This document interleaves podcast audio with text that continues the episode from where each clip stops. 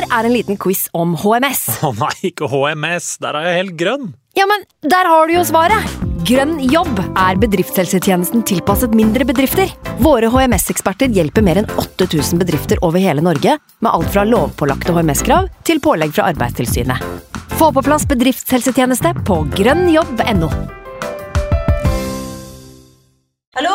Jeg kommer fra Oslo politikammer. Ine Jansen er purk. Er du purk? The motherfucking bitch. Alt jeg vil, er å finne ut hva som skjedde med mannen min. Jon Carew. Er jeg sikta for noe? Iben Akeli. Det er du. Ole So, Lars Berrum og Big Daddy Karsten. Hvem sin side er du på, egentlig? Anette Hoff, Tone Danielsen, Kommer du fra Afrika? Jørnis Josef, Nesten. Kløfta. Trond Espen Seim, Det er synd å si det, men det var feil mann som døde. Purk. Premiere tirsdag på TV2 Play. Nå har vi starta. Fantasy. God evening.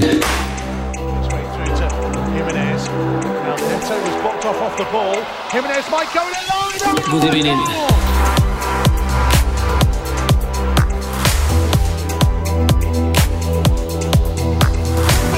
Andre juledag står ikke for tur riktig enda, men andre adventsdag. Andre, advent, andre søndag i advent har vi passert. Sett i studio med to freaks, geeks, Simen og Sondre. Hei på dere. Hei, hei, hei, Det har vært en god pause fra FPL-content og innhold. Vi spilte inn en episode i forrige uke hvor vi satt rundens lag, eller ikke rundens lag, sesongens lag Team of season. Er dere fortsatt fornøyd med det? Vi, har ikke, altså vi er, får ikke vært på Twitter, så vi får jo ikke hate-meldingen på det som måtte være for enkelte valg. Men det laget står seg. Ja. Yeah. Ja. Kan ikke, kan ikke argumentere man hardt mye resonnerer. Nei, så resonnerer man jo på en måte rundt de som på en måte ikke var der, og, og gjør på en måte sine begrunnelser for det, og så Ja. Mm. Jeg er ganske happy, ja. Ja. Simen, du er på kjøret igjen. Du er på energidrikke... Nei, oh, i alle dager. Det er sprøtt, for du venter. Du venter faktisk venter til vi trykker rekord ja. for å Tror, tror Men det- fordi du, du syns det er så harry? Ja, ja, ok. Ja. For, men tror du føler du at det setter litt stemning, altså? Tror du lyttere syns at det Stemning, stemning kanskje. Eh, Jeg føler jo på en måte når jeg hører Pyro og Pivo og sånn, da føler jeg at det, setter Ja, er stemninga, men det, da er det noe annet. Eh, De som hører på, i hvert fall de som har hørt på oss, vet jo at dette er en monster og ikke en pils. Og vi er jo også en, på en måte en, vi er jo ikke en stemningspodkast i den forstand heller. Så det er ikke sånn at uh, Det er ikke de høy som, hjelpefaktor her. Nei, ofte. eller altså, det er ikke sånn at de som hører på oss, på en måte skal bli sugd inn i en atmosfære med, liksom, eh, med liksom alkohol i noe bak, i bakgrunnen eller et eller annet sånt. Det er jo ikke noe i den duren, så mm, jeg, ja, jeg bare gjør det for fun. jeg. ja. Hvordan smaker det her? Ultra Gold. Ultragold. Få se på boksen. De boksene blir bare noe- mer og mer Få se på, skal vi se. Grisete, altså. According to ancient Greek legend, the nectar of the ambrosia gave Er den sukkerfri, eller? Ja. Go for the Ja. gold. Uten sukker. Ja, sant. Unleash the beast, Simen. Nå snakker vi. Det, da skal vi vel tilbake til Unleash the Beast. Det, da tenker jeg på han derre Åh, hva het han i sånn han Ja. Ja. Ayek Beni. Ja, der òg Ja. hadde du vel noe Feed the Beast and he will score. eh, varianter. Det har for så vidt hatt det på mange av den, den type spisser, da. Men uh, det er kanskje det første jeg tenker på på, på den der Feed the Beast. Ja. Men du, du, har, har du roa ned på det kjøret Monster, der, ja. Monster, ja. Har ikke jeg drukket på siden jeg drakk det her sist, holdt jeg på å si. Nei. Og det er Forrige uke. Nei, altså noen ganger så får jeg det. Nei, nei Monster altså, det har jeg jo slutta å drikke. Det har jeg ikke drukket på Jeg har sikkert drukket én, altså, men fra å drikke liksom én i uka, så drikker jeg kanskje én du hadde mer enn én i uka. Ja, en periode. Så En periode var det én om dagen. Ja, nest, Nesten ja, ikke i helgen sikkert. Men nå, er, nå drikker jeg kanskje én i hver tredje måned. Når Frank og jeg jobba sammen, vi hadde jo et, et år vi jobba på, på samme skole. og Da var vi, fikk vi en egen hylle i kjøleskapet, hvor en kollega faktisk bare skrev 'Frank og Sondres monsterskap. Ja. Eller Monstersplass, hvor vi alltid hadde monster. Det er ganske harry, det òg. Men du drikker det, du? Nei, jeg har jo Jeg drakk jo mye Monster før, jeg òg. Og egentlig så hadde jeg en periode jeg var på Nocco-kjøret. Jeg vet ikke om dere har vært noe på på Nocco. Um, men jeg hadde jo en runde her for noen måneder siden jeg, hvor jeg rett og slett måtte inn til eh, legevakta og på sykehuset for å for å restarte hjertet mitt. Jeg fikk jo hjerteflimmer, holdt jeg på å si, så det banka jo i alle, alle verdens retninger. Så jeg måtte jo måtte jo kjøre en sånn eh, lite støt for å få tilbake vanlig rytme. Så det er helsemessige årsaker som har gjort at du har slutta med Monster? fikk jeg anbefalt å kanskje se på om det kunne være noen faktorer da, som var med på å utløse det her. Og da tenkte jeg at ja, en energidrikk til dagen, tolv kaffekopper, det trenger man kanskje ikke. Nei. Så etter det så har jeg ikke drukket eh, energidrikk. Men går det bedre etter det? Etter, eh, etter ja, jeg har ikke fikk, hatt noe eh, mer flimmer. Det har jeg ikke. Så, men jeg merker ikke noe sånn. Kaffe Jeg drikker kanskje to til tre kaffekopper om dagen. da, Og Mm. prøver å ikke drikke etter lunsj, typ. Ja. Uh, så jeg har vel kanskje Jeg, jeg føler meg kanskje litt roligere. Ja. Man har jo, jeg har alltid vært litt sånn shaky. Shaky hender og sånne ting. ja, men det er det jo. Det ser jeg jo når du holder ting i hendene dine, så, så rister Ja, hendene litt dine sånn Parkinson Light. Litt sånn eh, uansett. Ja. Så det har jeg kanskje mista litt av, da. Når jeg Har har eh, tatt Twitch, mindre koffeininntak. Ja. Så nei da, jeg føler jeg ligger på en fin dose nå, men ikke drukket noe. Det, jeg savner det jo litt, da, jeg må si det. Lukta og smaken av det søte gode der. Det er jo godt. Men helsa di er fin. Helsa mi er fin. Ja, helsa di er fin. Det er til syvende og sist aller viktigst. Ja, det var en artig opplevelse å få Nå husker jeg ikke så mye, da, for man er i narkose når man kjører sånn Ja, støtt.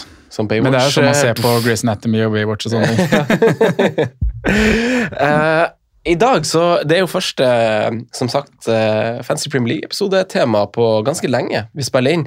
Eh, og denne episoden skal, den skal være litt sånn i preseason on, men kanskje en slags light-versjon. Fordi sesongen er jo i gang, og laget har fått bein å, å stå på og sånn. Men eh, vi med frie bytter, så nå må vi jo ta eh, og starte litt fra scratch når vi skal lage lag nå. Alle sitter på frie bryter, Vi må, vi må finne en god løsning på det. og Skru på bryterne er jo der vi, på en måte, dit vi skal. Ja. Så kan Ja. man, ha- har vi jo god tid ennå, så nå har man god tid på å switche den bryteren på, men eh, det er det dit vi skal. I dag handler det om å bare komme inn i litt Ja. sånn fantasy-modus igjen. Hvor, hvor, hvordan var Hvor- dette her? hvor er vi? Ja, hvor var vi igjen? Hvor er vi nå, går, ligger? nå, Ja. går, ja, men nå går det jo fort. Nå Ja. er vi jo uh, i, uh, i andre uka i advent, holdt jeg på å si, andre uka i desember. Holdt på. Da, nå kommer det til å gå unna før andre juledag og Boxing Day plutselig er der. Uh, det skjer jo ting i desember som får tida til å gå litt fort også, føler jeg. Så Jeg tipper vi kommer til å være på øret etter ganske mange folk som er litt bekymra for å rekke noen deadliner med julegaver og, og den, Mhm. den biten der, altså. For det, det er en strial tid, så håper vi kan bli, bli med på litt juleshopping. ja, det er koselig. Det er koselig. Og så har vi jo fått Vi skal ta for oss bunn ti lag i dag. Vi skal gå gjennom de ti nederste lagene på tabellen. Jeg vet ikke om det blir riktig å si bunn ti, men uh, nedre halvdel. Eh, og, og vi har jo allerede fått uh, noen double game weeks. Det kan vi også ta litt innledningsvis og bare lande det. Vi har jo fått tre double game weeks, hvis jeg tar helt feil. Én i runde 19 allerede. Så det, altså vi har runde 17, runde 18, eh, som blir to vanlige runder. Så har vi runde 19, da, som, som jo blir en dobbeltrunde da, for, for Chelsea og Fulham. Som, Chelsea møter City hjemme og Fulham borte. Fulham møter jo da Leicester borte og Chelsea hjemme. Eh, og så har vi en ny en også i runde 20, stemmer det? Ja. Og- City Spurs som blir lagt inn, vel? Ja. Ja. Og så um, Tottenham som får City i tillegg til Arsenal-kampen sin. Så det er to tøffe dobbeltgameweeks der. Og så har eh, Arsenal fått inn sin kamp mot City, som Mm. er utsatt fordi at kampen deres mot PSV ble utsatt. Eh, så de har jo en fin eh, Altså to heimekamper i eh, runde 23 mot Brentford hjemme og City hjemme. Mens, Sportsforein. Eh, mens City da får Villa hjemme og Arsenal borte. Så tre double gameweeks på de 1, 2, 3, 4, 5, 6, 7 første rundene. Hey. Uh, så der er vi i gang igjen med et lite kjør og en liten kabal som skal legges. Og, og dette er jo ting vi kanskje allerede må tenke på når vi sitter med fri... Altså Vi kommer jo til å være, komme dit at vi Uh, sitter med frie bytter nå og engasjerer oss litt i det laget her og tenker at hvem liksom kan jeg ha på benken til eh, runde 19, da? Eh, Fordi du, du kommer ikke til å velge du kommer ikke sikkert ikke til å være ja, du- vet hva, du kommer til å fylle kvota med Chelsea-spillere allerede, ser jeg jo. Bournemouth hjemme, Forrest eh, borte, og så dobbeltrunde. Det er klart du skal ha tre det, vi bryr oss ikke særlig om dobbeltgamingsvis, så det er ikke noe å legge tenke så Nei, mye nei, på. Mitrovic skal med fra start. Mitros Andreas skal. Pereira. Vet du hva, Man har faktisk tre Fulham og Chelsea-spillere fra start. Fort vekk. Ja. Det var ikke mange plasser igjen da. Nei, jeg har ikke det, vet du. Eh, men eh, skal vi gå videre, eller har dere danna dere noe mer inntrykk rundt det her dere ønsker å, å prate om? Jeg tror det formes litt ut når vi prater om både om lagene, for så vidt. Mm. vi skal gå gjennom de, på en måte, de ulike programmene, hvordan det ser ut, hva som på en måte eventuelt har eh, stått i stil i forventningene kanskje før sesongen. Men eh, det formes nok litt utover når vi har kommet oss gjennom et par lag, om hvilke som faktisk er eh, aktuelle å starte med, både som spillere og hvilke klubber vi ser til. da. Men kan vi ikke, øh, før vi går på lagene og sånn, sånn litt på, på stående fot her, snakke litt øh, strategi for hvordan vi skal starte opp nå i januar, da? Vi har, jo, vi har jo en Fordi det er litt annerledes enn tidligere? Ja, og ingen av oss har en rank som er sånn sykt imponerende. Vi bør vel kanskje gjøre noe for å Tvert imot. Nei, du, no- du har jo Jeg håpa vi ikke skulle dra opp en idé. Nei, sorry. Nei, det har jo vært uh, et sånt tema for gjentagelse, føler jeg, det her uh, Den ranken. Ja. Nei, no, no, ja, uh, egentlig, men det der Komme inn i VM med grønn pil. Det var det bare én av oss som klarte, kanskje. Det var deg, Sondre. Jeg kom inn i gjeng med grønn pil. Jeg vil ikke si jeg hadde noe grønn pil, nei. Nei, god og grønn. Eh, og jeg er jo Jeg gleder meg. Jeg For meg så blir det her motivert. Ja.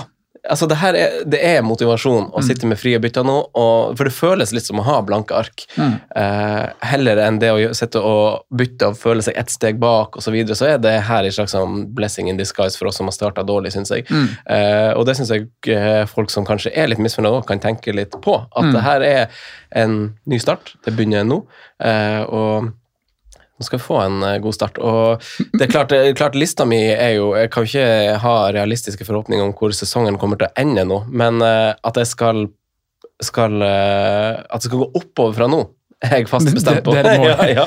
Eh, Men nå vet vi at liksom i løpet av de tre neste ukene da, så kommer det til å øh, peke seg ut en sånn ganske øh, En kurs Mm. for veldig mange. da, At man ser uh, at det legges ut lag der, og podkaster begynner å prate, og man har chatter man prater i, hvor det er snakk om de de, de 20 samme spillerne, stort sett. da. Man har en 15-mannstropp hvor veldig mye er satt, og så er det noen få posisjoner det, det kommer til å være uh, diskusjon rundt.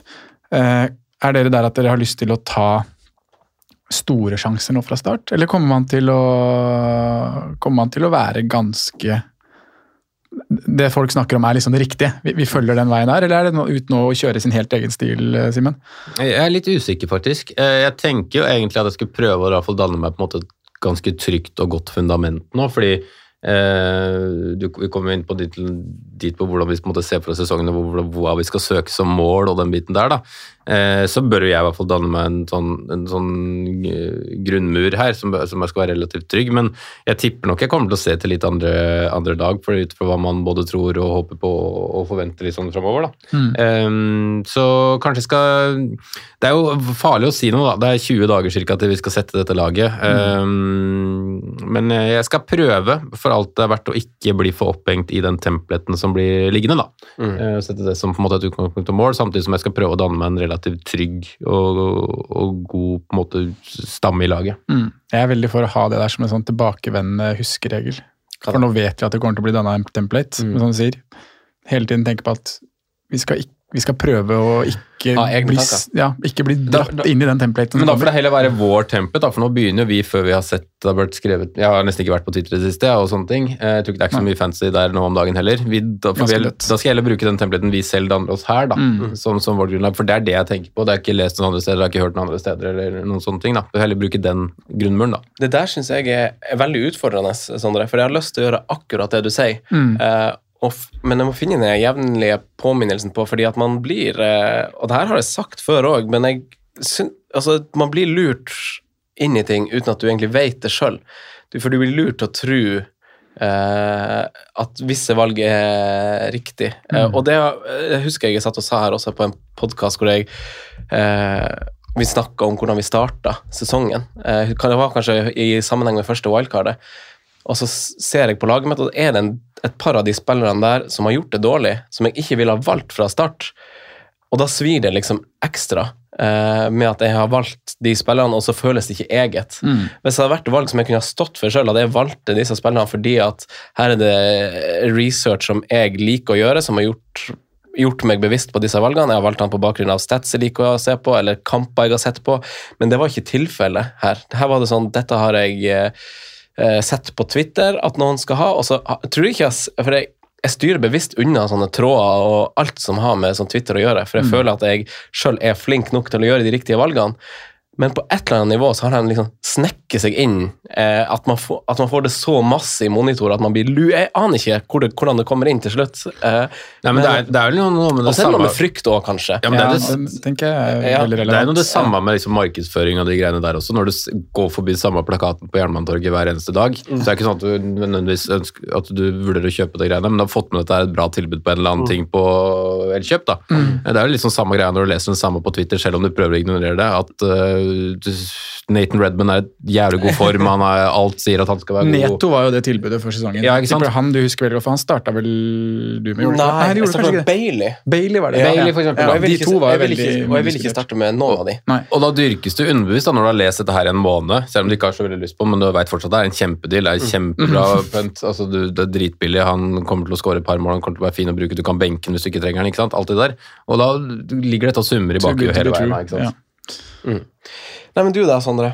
Hva Nei, Det syns jo som dere det er veldig vanskelig, men jeg vil jo Det er jo sånn mulighet eh, vi er blitt gitt nå da, til å starte med blanke ark. Og, og, og, og jeg har jo lyst til at vi på en måte skal eh, Det er jo som Simen sier, at vi må lage templaten nå. Det må være mitt utgangspunkt. Eh, Og kanskje være litt, litt mindre på de sosiale mediene enn jeg kanskje har vært tidligere. Da. Men jeg er jo på en veldig opptur, da, sånn egentlig, hvis man ser sesongen som har vært så langt under ett. Så har jeg faktisk klart å karre meg godt innenfor én million nå, på 500 000. Og det er jo egentlig et godt utgangspunkt i det rommet her. Ja. Så jeg må bare bruke den, den boosten jeg egentlig hadde inn mot pausen og ta med meg den videre. For da tok jeg jo egentlig og gjorde en del valg som var litt basert på, på egne tanker. Magefølelse. Da får vi bare, da får vi bare si til lyttere at For det, det er jo sånn det er artigst å lykke, lykkes det er det. med egne valg. Eh, og da får vi bare si til lytterne at de får være med på vår reise. Min og Simen sin søken på topp 100 000, og din på topp 50 000, sier Sander. Ja, ja, øh, så lenge så tror jeg en million er et høyt nok mål, jeg. Eh, Men øh, vi kan Nei, nei, nei, nei, nei Simen. Du kan ikke- Det er kort vei opp, kort vei Dream big, bro. Eh, men da går vi videre i programmet og starter gjennomgangen av eh, nedre halvdel. La oss gjøre det. Vi begynner på bunn, baby. Eh, Wolverhampton er nemlig der, og det skulle man kanskje ikke tro før sesongen. Man blir kanskje også litt overraska eh, når man ser det på tabellen, at det er Wolverhampton som, som ligger der, for man har kanskje ikke fulgt med så masse der i bunn. Eh, vi har jo fordelt eh, lag, sånn som vi pleier å gjøre i preseason. Vi skal ta ti lag i dag. Jeg starter med, med Wolverhampton, som jeg fikk utdelt av deg, eh, Sondre, da du bare tok et halvt minutt og bare satt opp. Heimeleksa til oss. Og vi samarbeider så bra, vi gutta, at uh, de oppgavene man får, dem tar man faen meg på strak arm. Så Wolverhampton Sånn er- sånn det i rådet. Ja. Eh, Der har vi jo fått en, eh, en ny trener som jo eh, heter Julen Lopetugui. Lopetegui. Lopetegui. Lopetegui. Eh, Et navn vi kommer til å plages med å si, og jeg har forstått Da at sier vi bare fornavnet hans, eller? Julen. Ja. det passer jo veldig bra i disse dager. Eh, han satt på tribunen i Wolverhampton sin siste kamp eh, før oppholdet nå, eh, hvor det ble 2-0-tap mot Arsenal. Eh, og Jeg skal snakke litt om han, men jeg skal ikke snakke så veldig lenge om Wolverhampton. Eh, og Dere kan jo egentlig få høre hvorfor. Wolverhampton er jo uten seier på bortebane og starter tre av sine fem eh, første kamper på bortebane. Eh, og skoen trykker jo åpenbart offensivt, og det har det kanskje gjort i årrekka i, i Wolverhampton. Det har vært kjedelig å se på. De har hatt veldig lavt målsnitt eh, ganske lenge. Til tross for å egentlig ha noen fargerike individuelle spillere, eh, så har de, har de jo plagdes. Og de er, fort, de er det eneste laget som fortsatt er på ensifra antall skåra mål denne sesongen, med sine fattige åtte mål, og det er lite, altså. De har nest færrest store sjanser skapt, og sjette færrest skudd i boks. Så underliggende tall fra Fantasy Football Scout er jo veldig, veldig svak offensivt, men defensivt så er det jo Det blir det blir overdrivet å si det motsatte. Men de er midt på treet, og defensiv statistikk taler ikke for at de skal ligge eh, der de ligger, eh, egentlig. For de har eh, eh, de, de skårer lite, men er på samme tall som jeg har sett på offensivt, har jeg sett på defensivt. Der klarer de seg eh, midt på treet, som sagt. Men uh, det er jo Lopetugi, julen, som er talking point her. Og for enkelte så huskes han sikkert for manøveren han gjorde sommeren 2018, hvor han uh, skulle ut i mesterskap med Spania, men takka ja til en jobb i Madrid, som gjorde at han fikk sparken fra Spania rett før det mesterskapet. Ingen suksess i Madrid, og han fikk fyken før november samme sesongen. Og Det etter å egentlig ha hatt veldig gode resultater for U-lag i Spania, som han har trent i ei årrekke. Eh, Så i klubbfotball kom jo resultatene egentlig litt senere, og kanskje først og fremst sist i Sevilla her, hvor han fulgte i Emery sine fotspor med Europa League-seier i eh, god Sevilla-ånd.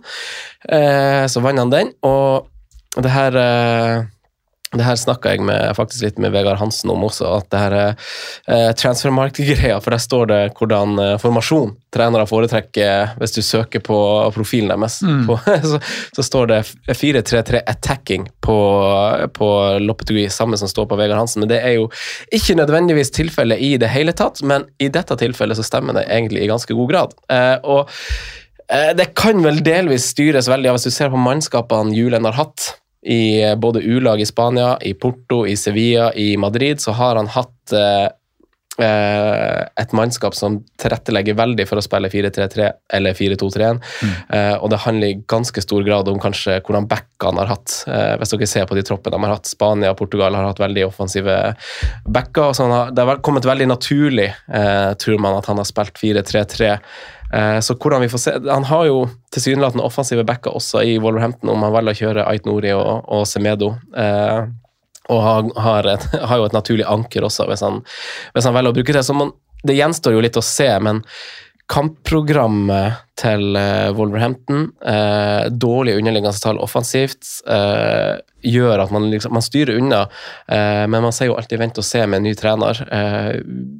Det blir Jeg vet ikke hvor spennende det blir, men det, det er jo åpenbart eh, en, en god jobb som må gjøres der. Eh, og så får vi se Diego Costa tilbake fra suspensjon der og inn, inn i noen kamper her, om, om, eh, om det laget blir løfta. Men eh, Han er tilbake, han i den uh, ja, da han, jeg tror det, Han han sona sona siste mot Ja, Arsenal. sona. Så han hadde to kamper ute. Ja. Eh, så, eh, så det var liksom det jeg følte var verdt å ta med om eh, Wolverhampton. Jeg føler ikke at eh, det er et så aktuelt lag som er verdt, når vi skal gå gjennom ti lag i dag, at vi vi er ikke ti minutter til å snakke om Wolverhampton. Men det er jo et lag som faktisk har eh, og du drar fint innom dem, det er jo et det har skjedd mye i. da. Mm. De andre lagene vi skal snakke om, har det jo ikke skjedd så veldig mye på verken eh, trenerfront eller spillerfront. Men her har det jo skjedd ganske mye Ja. siden vi avslutta, avslutta runde 16. Mm. Så sånn sett så er det jo Det blir jo veldig spennende å følge akkurat den prosessen der, da, og hvordan det kommer til å utarte seg. Men eh, Og et lag som jeg tror kommer til å være ganske aktiv i januar. ja. Med tanke på at de både har vært egentlig uheldige og kanskje litt, eh, litt vel vågale i, i sommer med å liksom gi bort eller gi fra seg en del spillere som var litt sånn der, eh, fundamental altså hjert, Litt sånn hjerte i Wolverhampton. da. Eh, først og fremst i Conor Cody, som vi kommer inn på også, men at de liksom gir fra Også seg Roman den som Roman spilte Saiz, mye. Den Donker går også. Det er, ma det er mange liksom den, de samme posisjonene der de har på en måte slitt, og så hadde man kanskje troa mer på han, han waliseren bak der og, og, og litt mer sånn, men samtidig så får du tilbakefall på skaden til Neto eh, i sesongen her. Eh, du får en, eh, hva heter han, han kroaten på topp, eh, som kommer inn og Ja. blir skada med en gang. Eh, så de er på en måte blanding av uheldig og Ikke truffet Litt- helt på Guedes, som eh, Ja, altså, også har vært mye ute og Guedes syns jeg egentlig er ganske frisk, men, ja, men han har eh, ikke spilt noe. Han er nesten ikke spilt. Han er veldig varierende med minutter, så han har ikke truffet sånn Men det er akkurat det jeg også føler at jo, det er jo her de har bomma år etter. og Vi skal, vi skal ikke snakke så mye mer om det, men bomma sesong etter sesong. For det skal ikke stå på navnene de har henta. Nei. Fordi en ting er at Raúl Heminez har, eh, har eh, levert jevnlig, men så har du spillere altså sånn, eh, sånn Guedes denne gangen. Neto kom seg jo etter hvert, men han var ikke god alltid, han heller. Eh, Trincao var ikke noe, noe suksess da han var der. Adama Traoré inn og ut. Eh, så det er jo veldig mye Det funker liksom ikke Matheus Nunes òg var vel en Ja, sant. Og Podense. Og. Ja. Men vi kan eh, hoppe videre til eh, den av dere som har Tror dere rykker ned? Wolverhampton. Nei. Ja. Et veldig godt spørsmål. Uh... Jeg dro fram tabelltipset vårt fra, fra før sesongen. Vi hadde Wolverhampton på tolvteplass. mm. ja. Jeg tror ikke den kommer så høyt. Er det nå vi skal inn og gjøre forandringer? Eh, hvem har vi på Erik? Vi har uh, Southampton, Fulham og Bournemouth. Ja. uh, og Southampton er så Southampton er jo faktisk på nedrykk. Og det her tipset Det tippa vi før, før Nottingham Forest henta hele verden. Ja. Eh, Så får vi se hvordan det går. Og så tippa de høyere hvis vi hadde visst hvor mange de henta. Al- Alle lag i på en måte bånd, sånn nesten uansett hvordan man leser tabell, vil jo på en måte ligge på siden hvor du underpresterer, da. Bare for å på en måte starte, starte der. Det Altså, det, det skal liksom veldig mye til hvis du ligger i bånd og samtidig overpresterer i antall poeng og, og sånne ting, men, men Wolverhampton ligger på en sånn ca. seks poeng underprestering. Eh, det er ikke veldig mange poengene oppover, og de har en bedre tropp, de har et bedre lag enn de lagene foran, foran seg.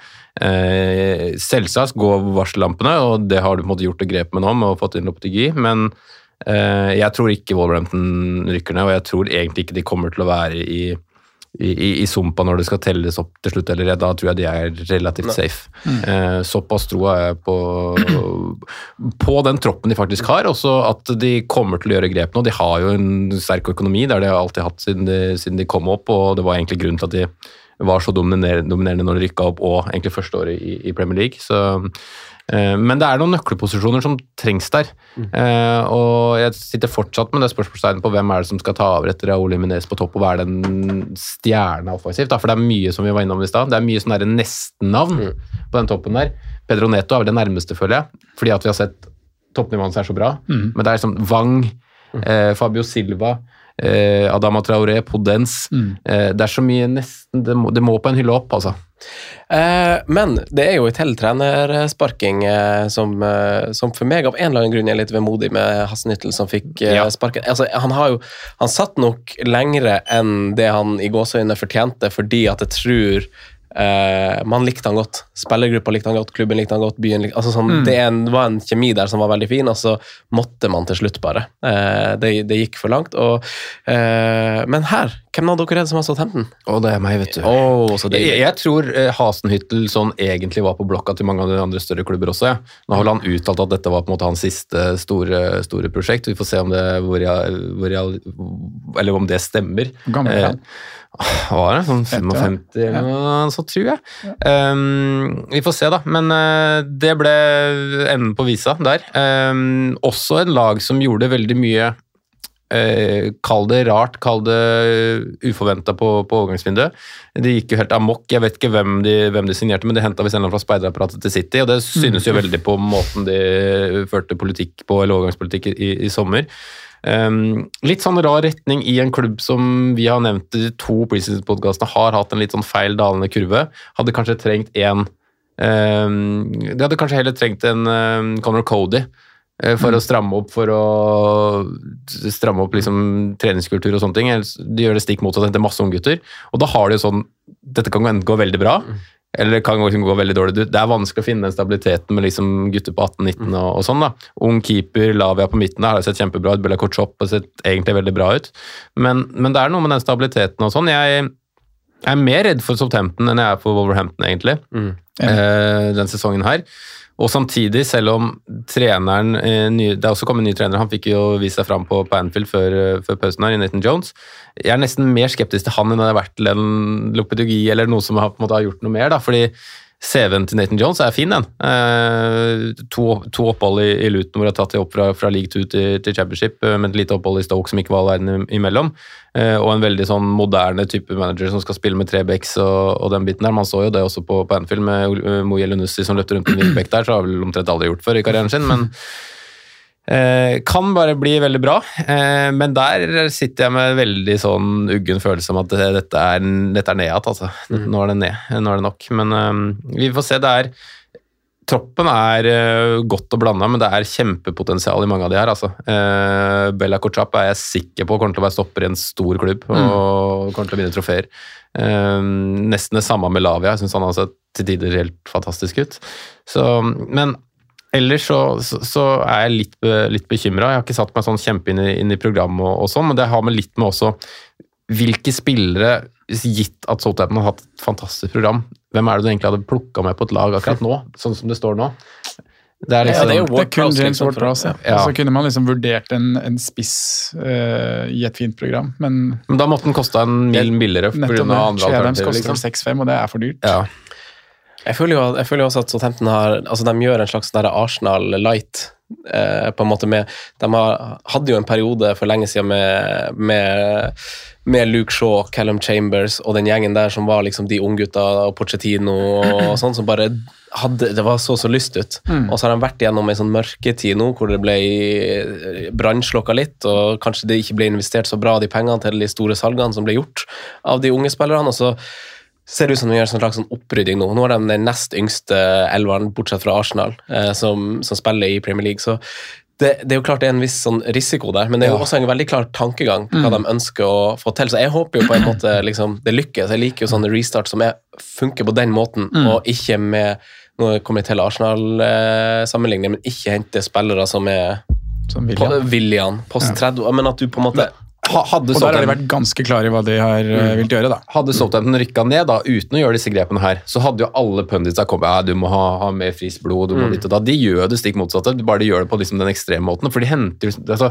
det, er ikke, det er ikke bare at det er unge, fremadstormende gutter, det er gutter på 18 år. Det er jo en keeper som knapt er 20, ikke sant. Det er jo liksom, det spørs hvor man legger lista, og ser man på troppen, så synes jeg forsvarsleddet er kjempespennende og interessant. Men det er liksom bare den der totale miksen, du skal stå imot, du skal angripe og, og alt det der, da. Men både Salisu, Belakocap og han Kaleta Kakar, eller hvordan man, jeg er ikke helt sikker på den kroatiske uttalen der, men, men det er jo tre gode stoppere. Det er tre spennende stoppere. Isolert sett. Ja, så er det å liksom danne seg et lag på dette her, men så uh, Perrault syns ikke jeg har vært noen sånn all verden i den perioden han har hatt i Southampton. Litt sånn ups and downs. Veldig gode offensive tall.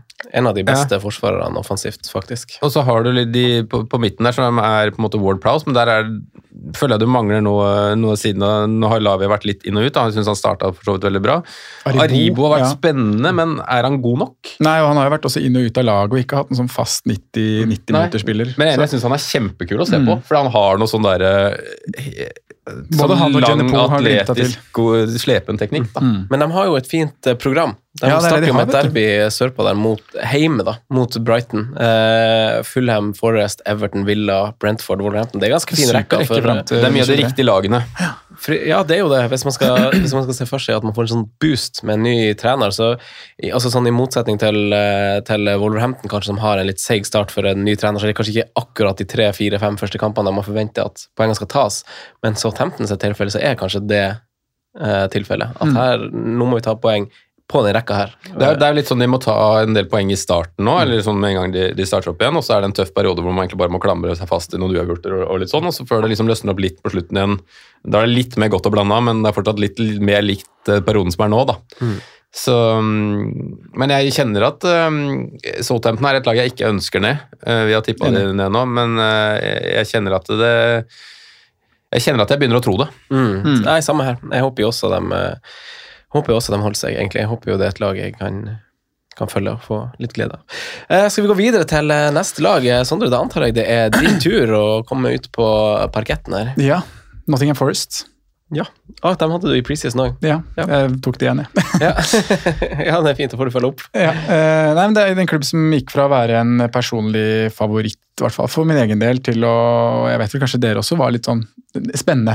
På det punktet hvor vi snakka om det. Ja, i sommer. Forest kommer opp, eh, en klubb med masse tradisjoner. eh, En ekstremt kul trener. Eh, Det her kan bli ordentlig, ordentlig bra. Eh, Så bruker de sommervinduet på å hente inn 22 eller 23 nye mann. Eh, Og vi hadde liksom inntrykk av at klubben det var null plan i signeringene.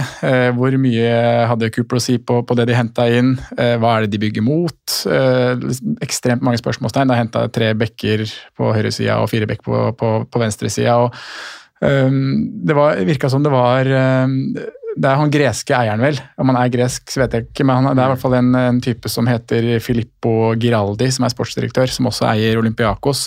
Og jeg har sett at de har henta en spiller og leid ut dit, og han, han driver og styrer og mikser sånn som, sånn som mange Som Watford. Det er litt sånn Ja. Watford-familien der, ja. ja. Um, og man hadde jo egentlig da på et punkt null tro på at det hele tatt skulle, skulle ta noe poeng. For det liksom når du henter inn Skulle nesten sette sammen en, en elver da, av elleve nye spillere. Eh, men likevel altså, har de, de har faktisk hengt på det og ligger jo ikke på, på sisteplass. Eh, og i de siste, sånn, siste fem-seks kampene så har de jo begynt å se ut som et lag som faktisk har begynt å sette seg litt. Uh, Forandra litt på, på formasjonen. Gikk jo ut i en uh, 3-5-2-formasjon hvor man skulle ha offensive wingbacker. Uh, skape mye. Vi, jeg husker vi hadde en analyse på det etter to-tre runder, Simen, hvor vi, hvor vi snakka om hvordan de hele tiden lå igjen med tre mann på topp. Uh, forsvarte seg med 6-7, og så fikk Avony, Brennan Johnson og Jesse Lingard da, på det mm. punktet lov å ligge igjen oppe hele tiden. Men gått bort fra den, begynte å spille med en firebackslinje. begynte å bli litt tightere bakover, det har vi sett på, på underliggende tall. Og jeg, jeg, begynner å tenke liksom at det kan være rom for at Nottingham Forest, som vi jo vet kommer til å hente masse spillere nå i januar Det er ikke noe å tenke på det. allerede linka til noen brasilianere. Det er vel en som er i i Nottingham nå eh, ved navn Gustavo Scarpa fra Palmeiras. Ah, det... Og det er For de som har spilt FM, så er det et ja. kjent navn. Eh, det samme med Igor Gomez fra Sao Paulo, også hardt linka til Forest nå. Scarpa, ja. For, ja. Men han begynner å bli dra på årene. Han er 28 altså, år siden. Ja, for han var sånn der venstrebein som kan ta frispark og sånn. Ja, og, og han... Den overgangen er da planlagt, da sikkert, for den husker jeg har jo spilt FM i år, og mm. dem, da spiller jo han der. Ja. Så da har den er i boks ja, okay. fra 1. januar, for ja. han hadde flydd til Nottingham og vært der nå noen dager i desember. og sånn. Okay. Jeg måtte google litt om det var noe rykter eller overganger på vei inn. da. Ja. Uh, og Det er vel en av de som er, er, klar. Og så er det han uh, Igor Gomez da, fra Sao Paulo, som også er hardt rykta. Som liksom er Sao Paulos nye kaka. Uh, skrives det. Den nye. Den nye ja, brukes som en lavskolebegrepet der, altså. Um, ja, nei, så jeg Man blir jo litt sånn um, det er først og alt veldig spennende å følge hva som skjer. Og, og det er jo spillere på det laget her som jeg syns uh, fortsatt er ekstremt artig å, å se på spille fotball. Uh, Aveny, uh, Gibbs White, sjokkovergangen som mm. kom ut av, ut av, ingenting der. 40, 40 ja. millioner pund. Ja, Dødsdyr. Det er så ekstremt, det. Men han har jo spilt bra. Mm. Uh, og hvis man da ser på på programmet som er fra runde 19 fra Nottingham Forest eh, sin del, så, så, blir man jo positiv på at de kan hente litt poeng. da. Møter jo Southampton, Leicester, Bournemouth, Leeds og, og Fulham fra runde 19 til, til 23. Oi. Så. Um, det er jo kamper som Det er her poengene skal plukkes, da, det vi akkurat snakka om for, fra Saints sin del, som, um, som også har en ganske enkel, enkel åpning. Uh, disse lagene må vinne de matchene da, for å, for å skaffe seg et godt utgangspunkt for det som kan bli en tøffere vår sånn programmessig. Mm. Det setter litt tonen framover også. Det gjør det. Hva, måte, hvis de ikke tar så mye poeng nå, så må de vinne når det blir enda tøffere. Mm. Sånn på papiret. Uh, har jo den keeperen med nest mest poeng, da. Ja. Slipper til mye skudd. Redder mye, redder to straffer, vel. Mm.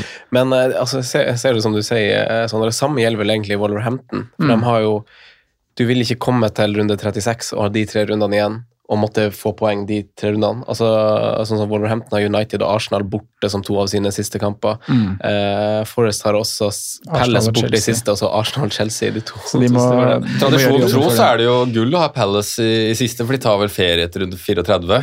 Ja, det da de, I hvert fall sånn Hodgson-stil, så var jo da var alt sikra. Jeg kunne ikke rykke ned lenger, og så var det liksom tapte resten. Vieira ja. kjører ikke samme linje, tror jeg. Nei, jeg tror men, ikke det. men uh, men Bournemouth husker jeg også gjør jo det. Jeg husker jeg var spøk med Callum Wilson og var på beachen. Og vi skal snakke om Der har jo også blitt gjort ny uh, treneransettelse mm. etter hvert. Mm. Uh, hvis du er ferdig med Forrest, så ja, det, er så, det, er ikke så, mye nytt som har skjedd der, men, men jeg må jo Det er jo noen alternativer som fantasy-messig her som kan bli interessante utover våren, da, syns jeg. Sånn som, som, nevnte Gibbs White, da, som avslutta, avslutta med veldig fin form nå inn i landslagspausen, hvor han hadde tre målpoeng på de to siste kampene og, og så også ganske bra ut i et par matcher i forkant av det.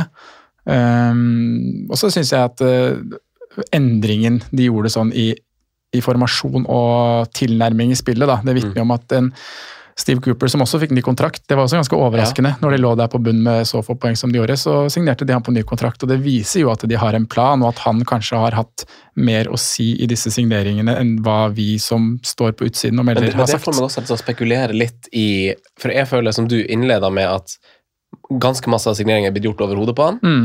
Eh, og så føler jeg kanskje at, hvis jeg skal spekulere bare, at det her har åpenbart ikke gått sånn som man skulle tro. altså mm. vi, vi, gjør det kjempedårlig, eh, og så vet man åpenbart årsaken, og så vet man at treneren er godt likt.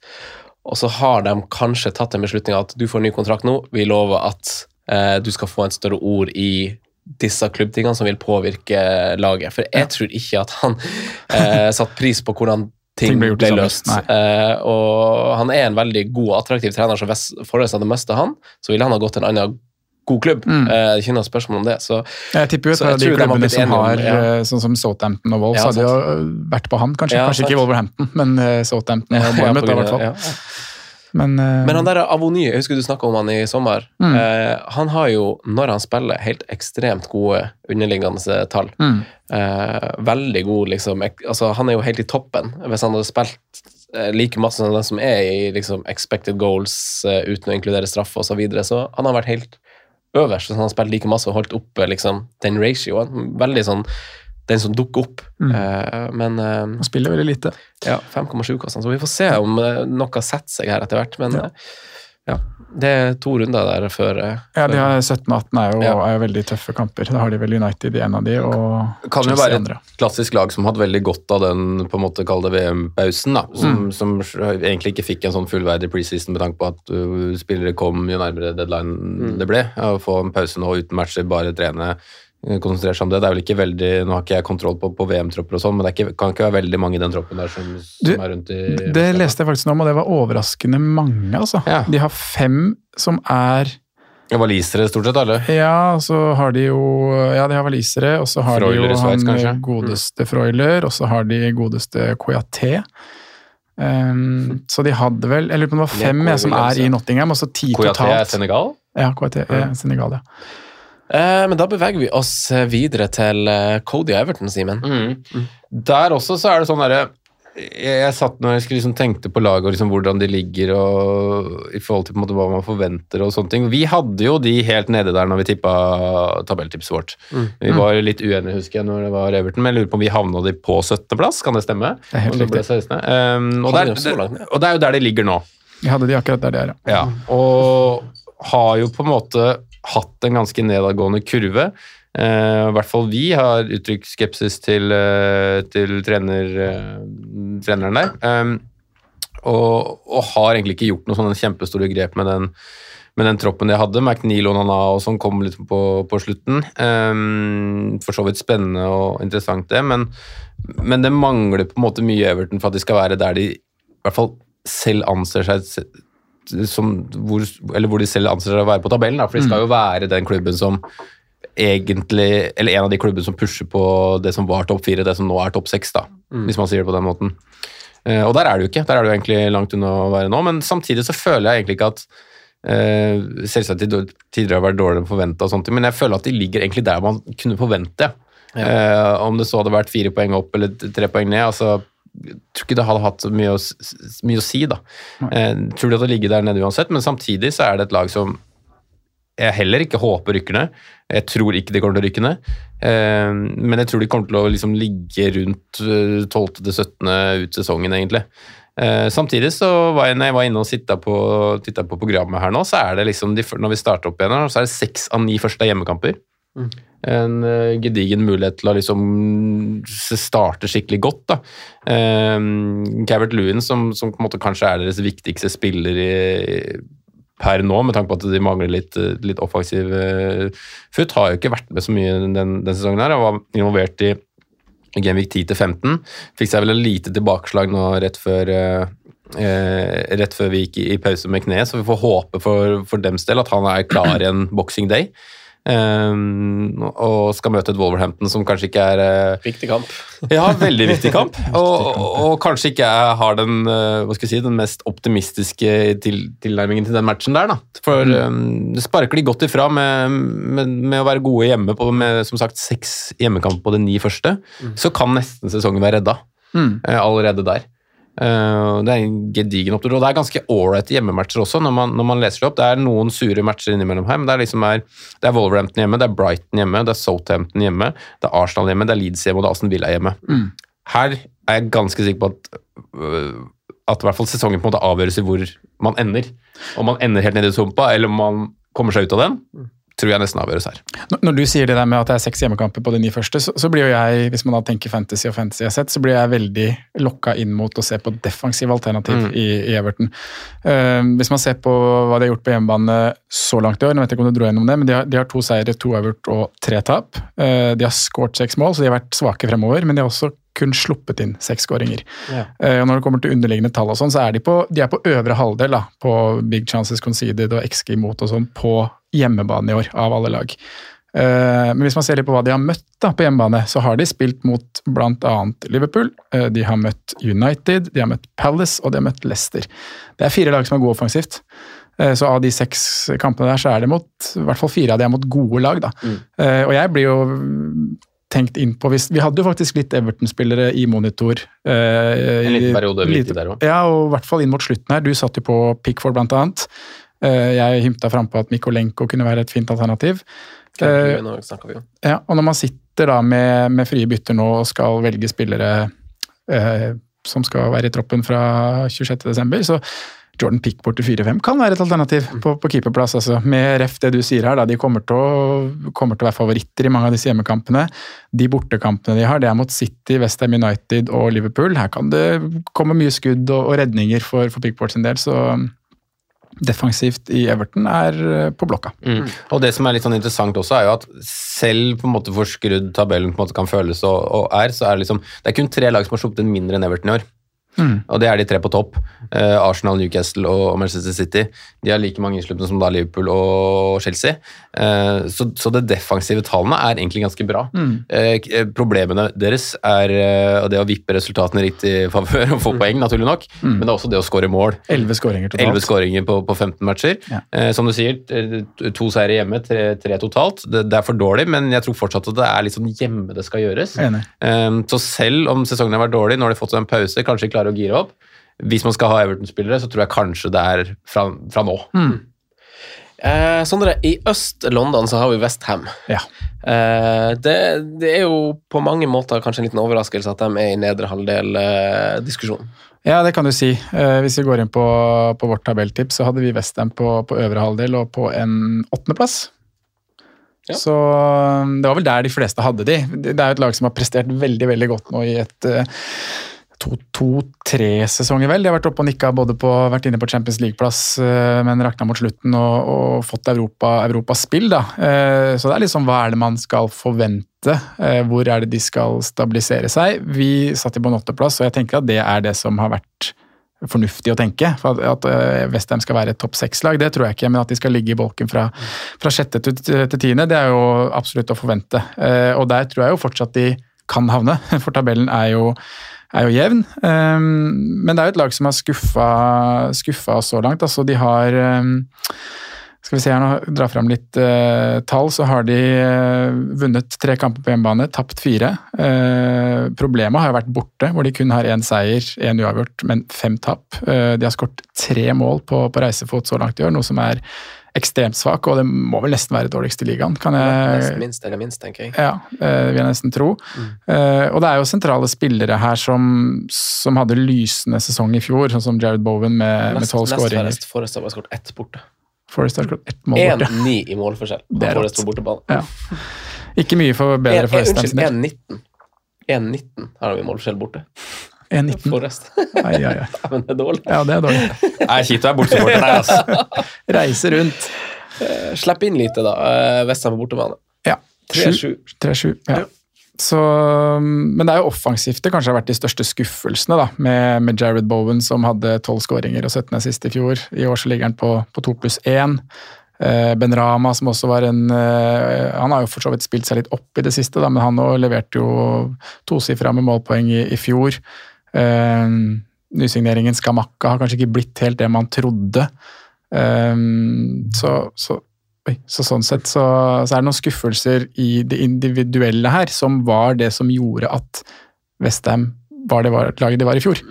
Eh, så, så jeg har jo Jeg har jo egentlig sagt til meg selv at en spiller som Bowen kan være aktuell fra starten og i og med at eh, han hadde en stigende formkulve inn mot pausen. Eh, Har fått en hvil nå. Laget har ikke så altfor mange på landslagssamling, så de kan ha fått jobba, jobba godt sammen. Og Brentford, Leeds, Wolverhampton, Everton, Newcastle. Det er en helt grei rekke det når vi starter opp igjen i romjula. romjula. Har vel Arsenal i første kamp, da, som, som for så vidt er tøff. Men eh, både Bowen og Paketa, da, som han er jo på landslagsoppdrag. Men det har jo vært spillere som har variert veldig, men som til tider viser hvor briljante de er.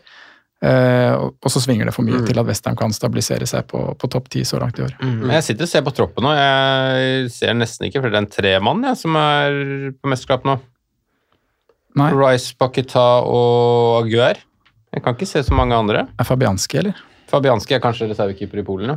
Det, det, det er så kjedelig rolle, det. For han er, altså sånn, når, du er, når du er keeper, og en ganske god keeper, i en nasjon som ikke er sånn megagod, sånn som Polen Så er de er bare sjukt mange gode- Ja, Litt sånn som i Brasil òg. Ja. Det er kjipt å være Ederson i Brasil. Du er liksom Ja, en av verdens beste keepere. Ter så er Stegen i Tyskland. Ja, sant.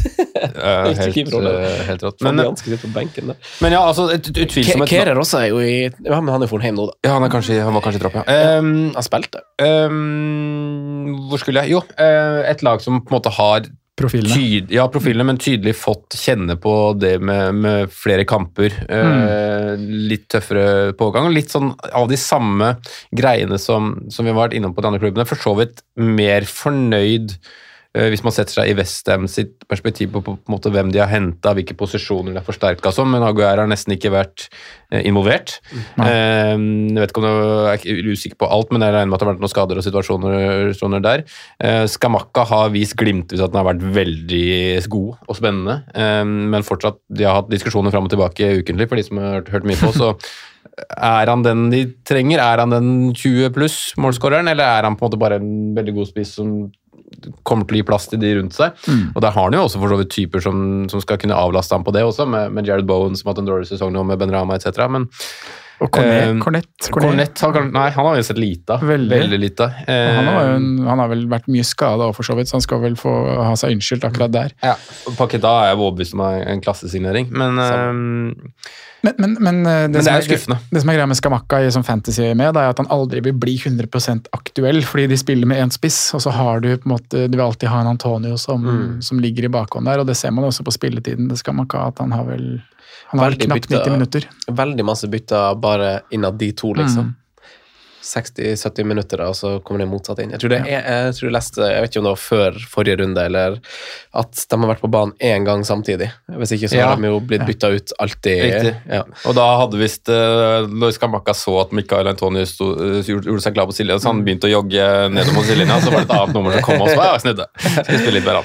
Eh, men også, eh, du henviste borteform, med Sondre. De har eh, tre av de fire første kampene eh, borte, så, så man avventer litt. Eh, vi kan gå videre til eh, Leeds da, før vi tar oss en liten break, eh, som jo også har hatt en eh, opp og ned sesong hittil, hvor kanskje de beste prestasjonene har vært å se mot antatt gode motstandere. Vi så en god prestasjon mot Liverpool, veldig god mot Arsenal.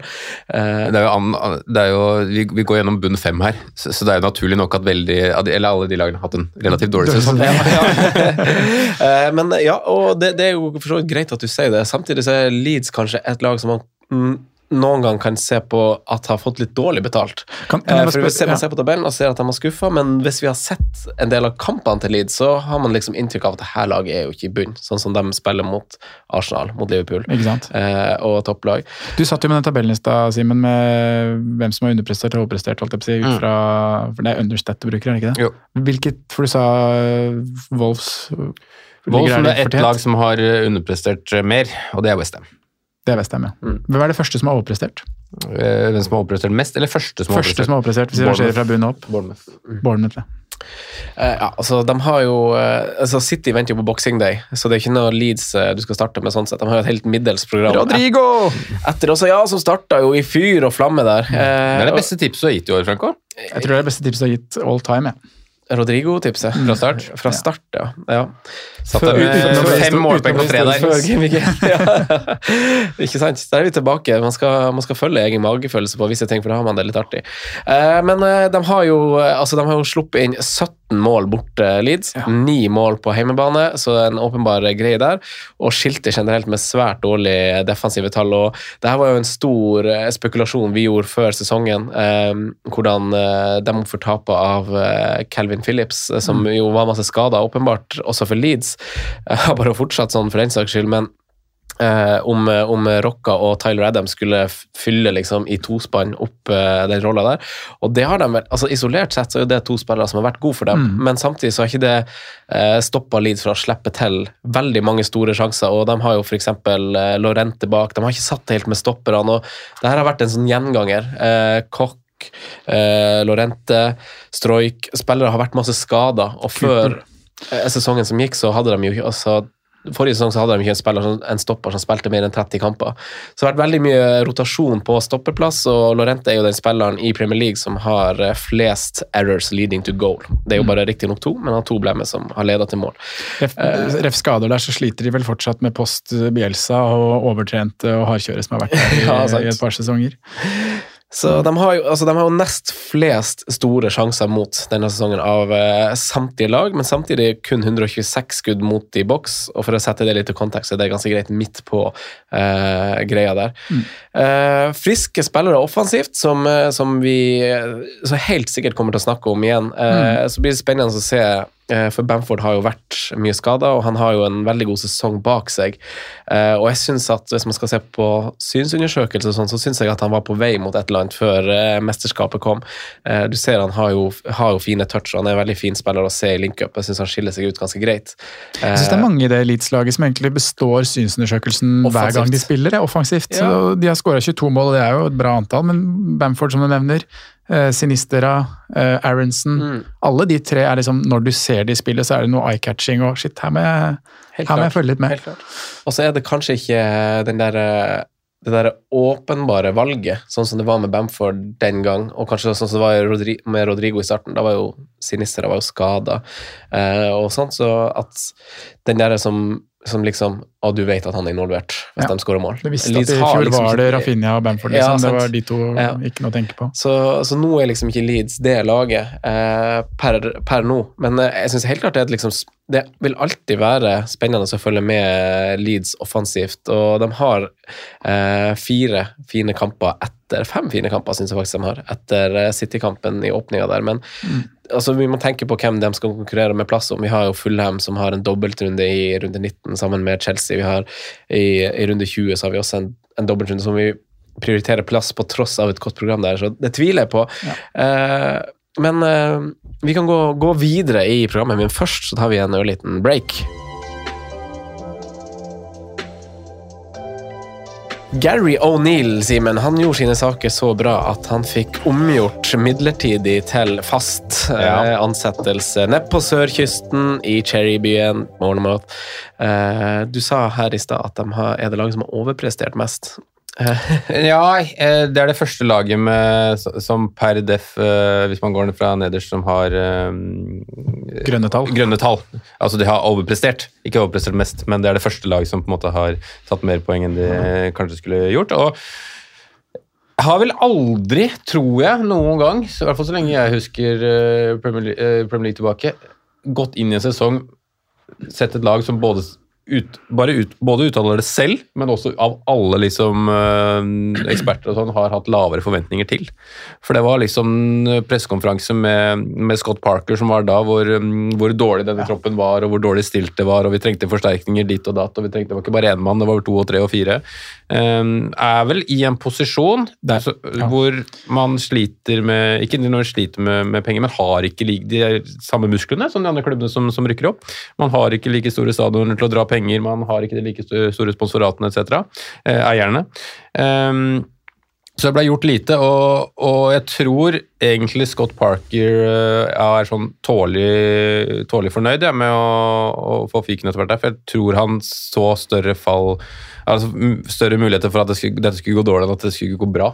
Eh, Så ble det Gary O'Neill som, som en caretaker. Jeg vet ikke om de hadde så mange interessante på blokka. og, og sånne ting. Bielsa var vel i snakkisen der ganske Ja, var det det? var vel noe, noe snakkis der, men det- Og Kjetil òg, eller? tror det skal mye til. For, ja, det var vel en klubb eh, som han var nevnt i, ja. men jeg vet ikke helt hvor, hvordan den matchen der hadde vært heller. Kanskje det kunne vært ganske bra, faktisk. Um, Men et lag som på papiret kanskje ikke er bra nok til å være, være igjen i Premier League, samtidig som at de har en fullvokst elver. De har, en, de har mye fysikk. Eh, De har mye, mye spillere her som, som virkelig løper sjokka av seg. Mm. De har en sånn Jeg husker jeg har sett et par ganger på når de, når de spiller hjemme at de har en vanvittig fighterinstinkt i seg, disse her også. Altså, og det er, ikke, det er ikke gøy det når de møter, møter seg på, er litt frampå og skal liksom gå i duell med Keefer Moore og Dominic Salanki, og så kommer det opp noen er stoppere. Det altså. er, ja, men det er tøft, da. Ja, det er. Det, det er fysikk, og det er et ganske annet Bournemouth-lag enn det vi på en måte ble vant med under eh, under eh, hjelp meg, eh, Eddie Howe, Eddie Howe. eh, som på en måte var veldig Det, det var like energifylt, kanskje, men eh, litt mer på, på mindre løpssterke gutter enn den fysikken som er der, er der nå. Ja, de hadde Francis og sånn på wingback, de. Ja, det er riktignok bare tre poeng ned til Nottingham Forest nå. Charlie Daniels. Det, det mm. føles jo litt som Føles jo litt som um, det, Sesongen har vært mye bedre enn en Ja? Nottingham Forest sin. Man har snakka veldig positivt om Bournemouth, og Forest har slitt hele veien, og så er det tre poeng som skiller. Ja, så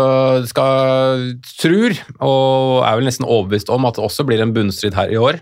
Eh, og jeg um, er vel også ganske pessimistisk med tanke på hvordan jeg ser for meg på måte, sesongutviklinga til, til Bournemouth, samtidig som jeg de poengene jeg har vært inne på, så tror jeg kan på en måte være litt i deres favør. da. Jeg tror de skal være bedre rusta enn deres naboer i Southampton til å kunne stå et sånn skikkelig nedrykksoppgjør når det, når det tetner seg til på slutten.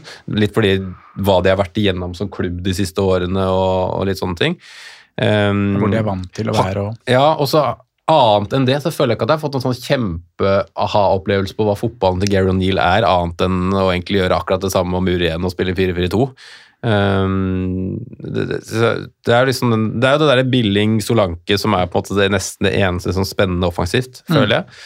Um, så vi får, vi får se. Um, har jo vært noen fancy Kanskje først og fremst Solanke som har vært innom fancy så langt. Og, og programmet når vi går inn igjen, er jo ganske tøft. da.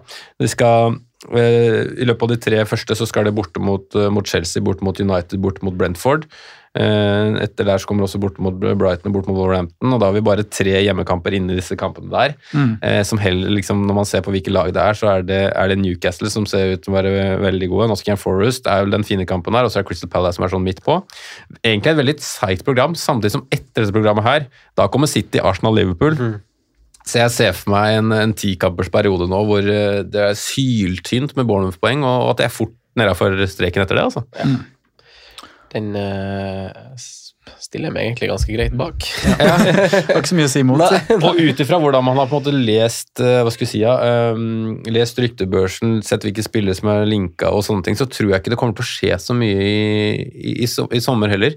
Har ikke, de har i ikke penger, virker det som. Nei, de slet jo liksom. både med å, de slet jo med å finansiere Nat Phillips i, i, i sommer, og da, da, det setter jo litt sånn standarden for en Premier League-klubb, sånn sett, da. Når det liksom er der det på en måte, måte Prior- skorter. Prioriterte å hente en, eh, en relativt god keeper, da. Det har de. Og, Det har de gjort. og- stopper. Og, og, stopper, ja. og det trengs jo også. Samtidig så fikk jo Mark Travers ganske gode rapporter eh, når vi gjorde researchen. Og, Ja, han er jo et der, eh, talent i engelsk Ja, altså, av lagene som rykka opp, så var jo han Både han og Bournemouth var jo De hadde jo 20 clean sheets eller noe sånt i Mm. championship, så de var jo desidert det best defensive laget som ikke, altså, ikke bare røkke opp, men som spilte championship i fjor. Men det går nok også litt, fjor, i det går nok også litt på, på spillestil og, og klubb og det greiene der også. Så har du den evige greia med, med lag som rykker opp og lag som ikke er gode nok for Premier Altså Norwich, for da, som er en helt annen spillestil for øvrig, men som er for gode på championship, har i hvert fall vist et par ganger nå, men altfor dårlig for, for, for Premier League. Eh, no, eh, Bournemouth er et lag som antageligvis ikke er gode nok for, for Premier League, de også, men de har nok bedre forutsetninger til å krige i Premier League enn det Norwich på en måte hadde under de åra der. Så mm, jeg, jeg utelukker ikke at, at Bournemouth klarer seg, men eh, det virker litt som den gløden som var der en liten par kampers periode, begynner å dø og falle med litt ut. Og jeg sliter jeg sliter ikke med å se for meg at de har nok vilje til å bli, men jeg sliter Nei. med å se for at de har nok ferdighet til å bli. Jeg er helt enig, for jeg tror liksom på vilje og på lagmoral og kollektiv og sånn, så kan Bournemouth klare det. Men de må ha spillerne Solanke må han må opp på 20 mål. Nesten. Eh, ja. 15 i hvert fall. Ja. Og øh, så har du han øh, Og de måla ta- må være i de kampene hvor de Riktige drar kampene. poeng. Han, må vel, han må, trenger ikke å score mot City og Spurs og sånne ting. Han må score mot uh, Southampton, Forest, uh, Fulham, Everton, de laga rundt på tabellen. Eh, men så har du han Marcus Tavernier òg, da. Som Mm. har vært veldig Han hadde jo ekstremt uh, gode tall, i hvert fall, de siste fire kampene før uh, vi tok pause her. Og Han han, ny vel, faktisk. Ja. ja, han hadde vel to skåringer og fire assist på de tre siste. Mm. Så um, han òg kan man jo Han er veldig billig Mm. i fantasy-perspektiv. Koster vel 4-9. Eh, Da kan vi gå videre til et lag som jo virkelig fikk eh, turn for the better etter hvert, eh, Sondre. Lester. Ja, etter hvert. etter hvert så kom det seg. Um, og vi snakka litt om det i forrige ukes episode, hvordan, uh, hvordan sesongstarten var på, for Leicester sin del. Og Danny Ward som uh, så ut som verdens dårligste keeper. Plutselig så snudde det, og så ble han Premier Leagues beste der, og er A med Arsenal på clean sheets, eller nummer to. Ja, Det Leicester. var Newcastle som har sju. Og så kommer Arsenal og Leicester vel med, Ja, det kan stemme, det. Ja. med seks clean sheets hver. ja. Og det, det var jo ikke der vi var etter um, Seks av de åtte siste. Ja, ikke sant? Etter eh, runde åtte der, hvor de hadde sluppet inn elleve mål på to kamper mot, mot Brighton og Spurs, Uh, og Leicester lå vel nesten sist på tabellen.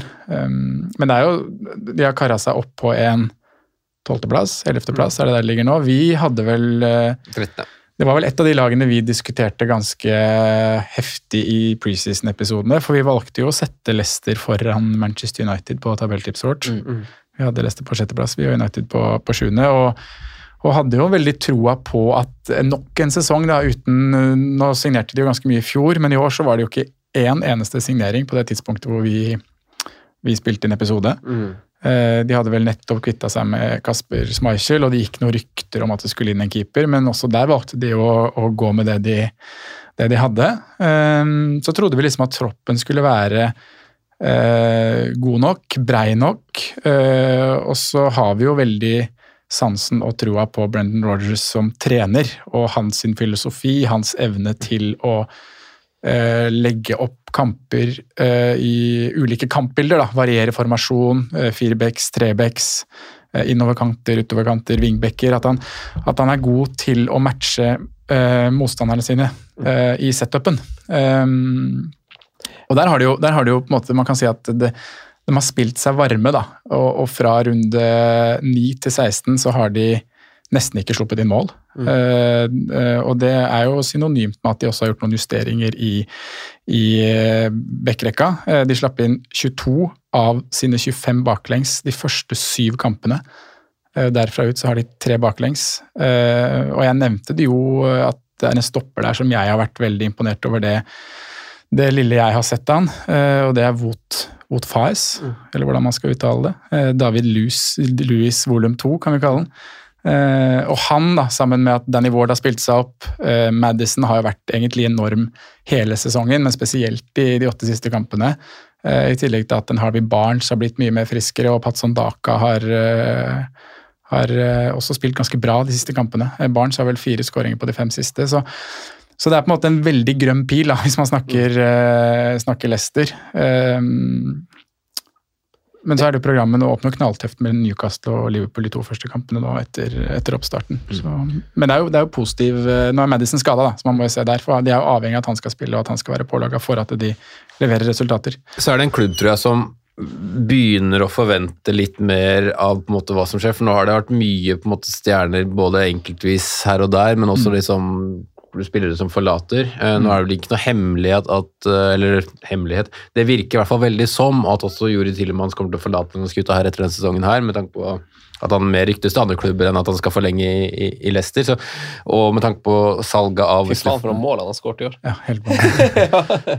Og, og med tanke på sel- salget av Wesley Fofana uten noe særlig gjenbruk av det. Nå henter de riktignok en, en stopper i, Mm. i Wout Faes, men at man på en måte ikke bruker igjen pengene, så føler jeg at man, det virker som at de forventer litt mer da, av, av, hva som skjer, skjer i klubben der nå. Og så kan det hende at man som andre klubber hadde eh, planlagte signeringer, og at det liksom handler mer om den rette typen enn å på en måte bare gjøre en, en overgang. Men, men Leicester-skuta har egentlig i mange år eh, vært på en veldig god vei, den. Mm. Og og egentlig prestert akkurat der man skal, og nesten litt mer enn men det også. også med unntak av selve gullet, som var mm, mer enn alt. Men, Men de har også hatt en mulighet egentlig til å klamre seg enda bedre fast i toppen enn det de har gjort. Eh, og hvilken felle man på en måte har gått i, er liksom vanskelig, å, vanskelig å si, men det føles litt som man kunne gjort mer. Det er veldig vanskelig å si hva som skjer i kulissene når det handler så lite, hvem som, hvem som har hva å si, men jeg føler også at, at eh, unnskyld, Leicester er i en slags sånn overgangsfase hvor en del av tingene de har valgt å satse på, ikke har funka. Og i hvert fall kanskje når det kommer til stabilitet. Vardi er jo blitt for gammel, åpenbart. Mm. Eh, og så blir han stukken kjeppen i hjula på når man kjøper spillere som Tilemanns nå, som eh, vil jo bort etter hvert. For Fana mister man med en gang. ikke sant? Så det blir liksom ett ett steg fram og to tilbake. da. Eh, men i tillegg så har du liksom spillere som, som jeg tror ikke har fungert i henhold til satsinga. Jeg syns kanskje til og med Barents kan strekke seg til å være en av de, for det er, det er så jævla ustabilt med han. Eh, men det er liksom én ting. Men andre, altså Daka eh, skulle man forventa mer fra. Ienacho, hva har skjedd? Og så, skjedd, og så fikk man skaden på James Justin. Eh, og det, det er veldig mange ting som altså, Soyuncu er plutselig helt ute etter en helt kongesesong, og så er det en ny og så er ikke han god nok. Du Ricardo har jo ikke spilt året. Ja, sant, så det er veldig masse som ikke har Signeringen av Westergård. ja, så, ja, sant. Så det er veldig masse som ikke har eh, fungert, som, og spillere som blir henta, har jo ikke gått inn i elveren, liksom. Det blir litt sånn de eh, Nå har jeg signert dem lite, så det er dårlig å bruke denne sesongen som eksempel, men IHN er jo et eksempel på det. også et eksempel, så, ja, det er veldig masse sånn. Og så plutselig skulle Dewsbury Hall begynne å spille ganske masse i skadefraværet til mange, og det er jo greit nok. Han griper sjansen med begge begge, begge hendene der og tar den. Så, eh, men det, det er jo, man ser jo De har jo tilsynelatende endra det litt, da, jeg ser jo at de har jo De har jo egentlig et greit uh, Nei, Liverpool er- Nei, Newcastle er ikke en grønn kamp, det. Eh, Nei, det var det jeg sa, at de to, de to første ja, er ja, ganske ja, du tøffe, med det, Newcastle hjemme og. Liverpool Ja. borte. Men så blir det jo ganske grønt der med Fulham Forest, Brighton og, Ja. og Villa. Men um, alt avhenger jo av James Madison og hans sin Ja, øh, veldig gode tall og ja. ja. Ja, Men er han, han er han spilleklar? Hvordan er status på han når vi kommer til, til Boxing Day? Det får jo bare tiden vise. Men ja, det, er som, det er som du sier, de er jo inne i en, en foran, eh, omveltning. Ja.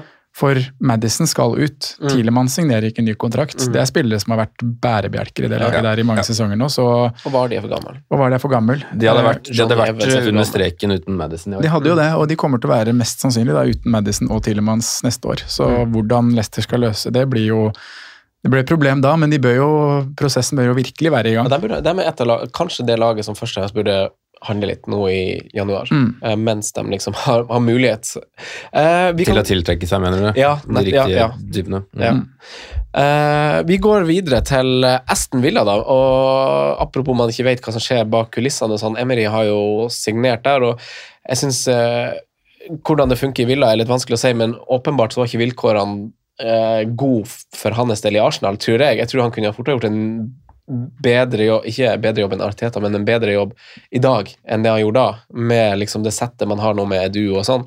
Eh, men det er klart, eh, han kommer jo med en eh, kjempegod CV, og han er jo uh, Europa League-vinner flere ganger og CL-semifinalist med Villarreal der. Eh, det er klart Liverpool ble eh, et par nummer for stor der, men eh, han må jo være veldig revansjelysten i Ja, England nå, altså- tenker jeg. Når altså- det har vært i Arsenal og på en måte fiasko, da. Mm. Det lykkes ikke. jeg tipper hvis han får, uh, får sett ord med i ting her, så Mm. tror jeg det kan være en veldig sånn hand i hanske-match for han å slå unnafra. Det har han jo visst at han eh, er riktig mann for. Jeg tror det er en kjempegod klubb for han i, i England. Jeg kunne egentlig ikke sett for meg en bedre klubb han kunne fått, fordi at Aston Villa også har eh, Muskler. Ja, muskler. De er en veldig stor klubb, samtidig som forventningene nå eh, Selvsagt er de jo store der også, men det kommer aldri til å være forventning om at de skal være topp fire. Det kommer ikke til å være forventning at de skal være foran de topp seks, men det er forventning at de skal være der og krige.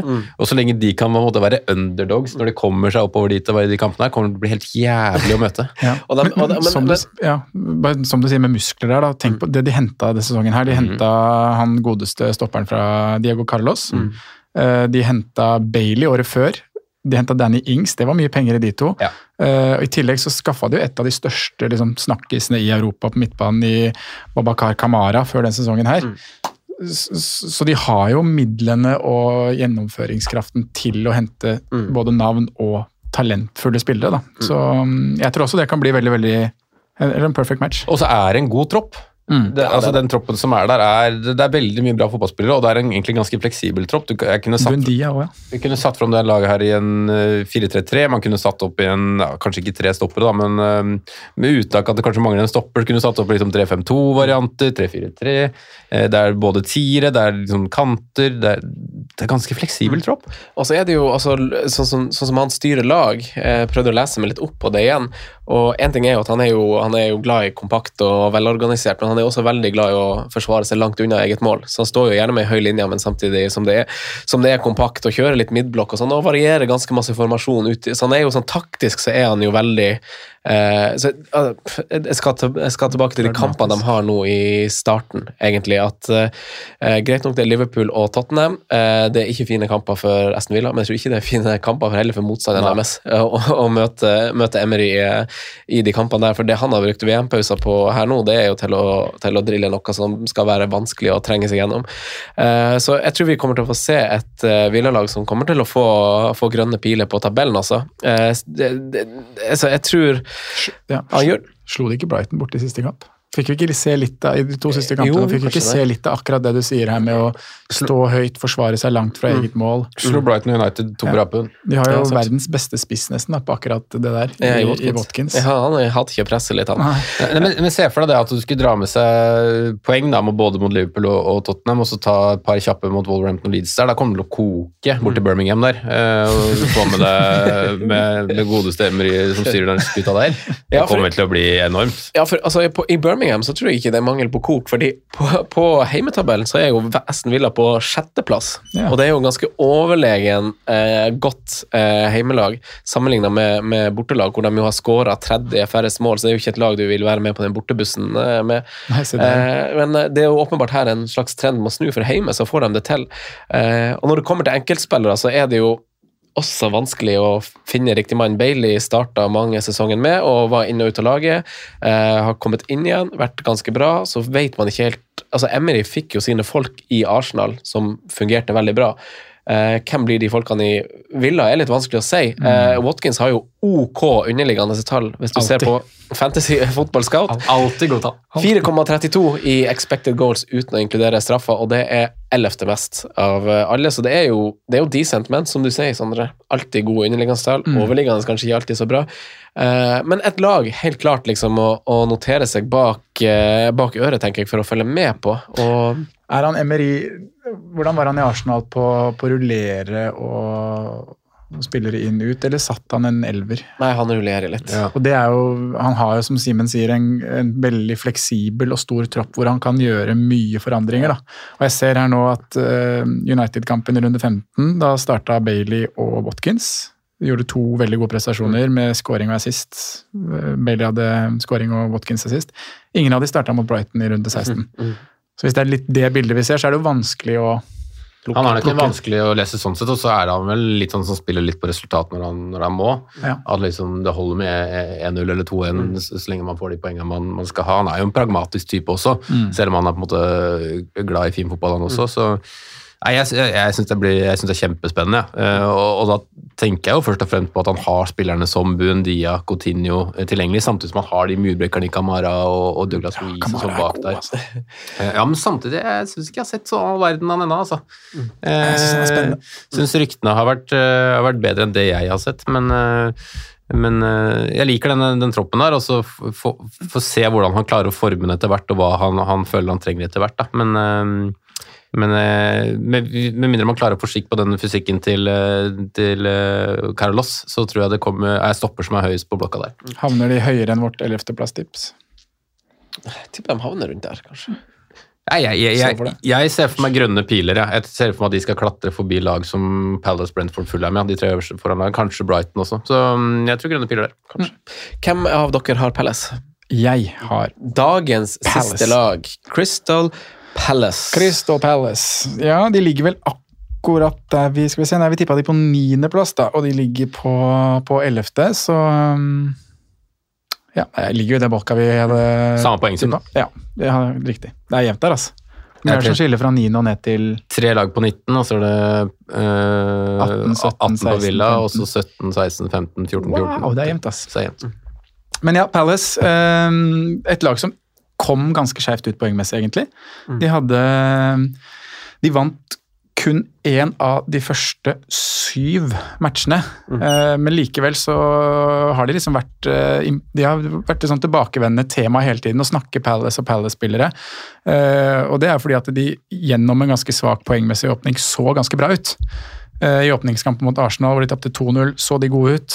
De hadde 1-1 på Anfield hvor de egentlig dominerte og kjørte kampen fram til Darwin ble utvist. Da tok Liverpool over. Eh, Det ble 1-1.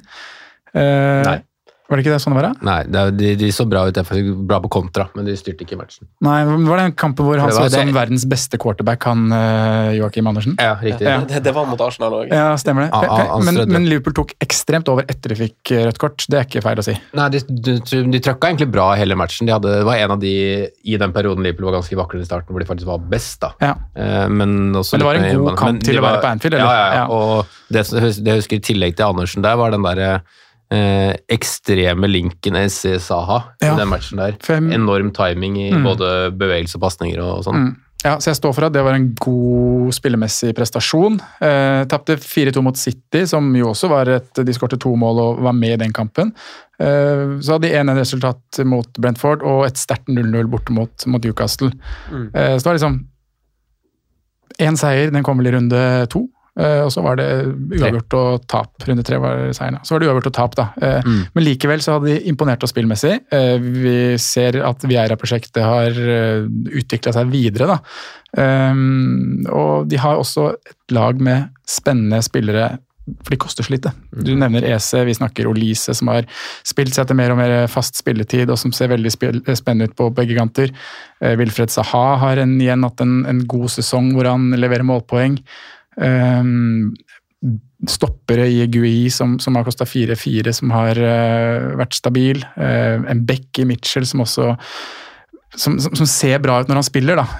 Um, så jeg har liksom egentlig bare gode ting å si om Palace, og tror at de kommer til å Det det var et av de lagene jeg trodde kanskje lå positivt på, på tabellen din på, på Understat der, at de har fått litt lite betalt ut fra hvordan de har levert spillemessig. De har nok, som du sier, Sondre, så tror jeg kanskje at posisjonen er litt svakere. Litt på grunn av det du sier, at eh, de har tatt det neste steget, rent Mm. sånn sp- spillemessig, fra å, å ligge ganske lavt og komme seg ut av det Hodgson-verden, så, Mm. så hadde de jo veldig gode defensive tall sesongen som gikk, også med Vieira, Mm. eh, som vi så en tidlig tendens denne sesongen at hadde endra seg litt. Eh, og det er jo altså sånn Lag som kan spille seg ut bakfra over tid, viser seg jo å være lag som spiller best over tid. Mm. Så det, det er jo det de liksom begynner å øve litt på, virker det som. Og så har det kosta kanskje litt mer enn det har smakt hittil. Ja. Eh, men så er, det, så er det allikevel på en måte et steg i riktig retning, hvis man tenker utvikling og neste steg for klubben. da, tenker jeg. Så må vi jo ikke glemme, vi snakka jo om det i preseason, og hvordan oppkjøringa til Palace hadde vært. Mm. De hadde jo, det var ekstremt mye greier Turbulent, der, hvor de hadde en tropp på treningsleir i Ja. Australia, og en var hjemme i England og spilte kamper med blanda lag da, på, på samme dag. Så um, Nei, men jeg, jeg syns jo på mange måter at eh, utsiktene er gode, og at de kommer til å ligge i det uh, sjiktet på tabellen fra en åttende til en 14.-plass et eller annet sted, og at de kommer til å ha alternativer som vi kommer til å vurdere jevnlig i ESE, EC, Saha og Lise. Enn de to første kampene da, med Saha. Altså Fulham er jo bånn i bøtta på defensive tall. Det er heim, deres første heimekamp er jo mot Fulham. Mm. Eh, Og så Bournemouth nyttårsaften der, ja. Beholder dere Saha? Altså, for han har vi sikkert litt midler også, for Mm. eksempel. Han vi, kjøpte vi sikkert for 7,4 eller 7,3, jeg, vet ikke jeg. Men at man, noen har tjent 0,1 der, og ikke selger han nå, er det en sånn spiller dere vurderer å beholde? ja. SC Ja. har fire poeng mindre totalt, ser jeg, på så langt i år. Veldig overraskende, egentlig. Og Men, eh, straffebom i siste kamp, altså. så mye er billigere. jo Jo, det hadde han faktisk. Den kødden. Mm. Det er sånn der eh, summerer opp eh, sesongen min hittil, altså.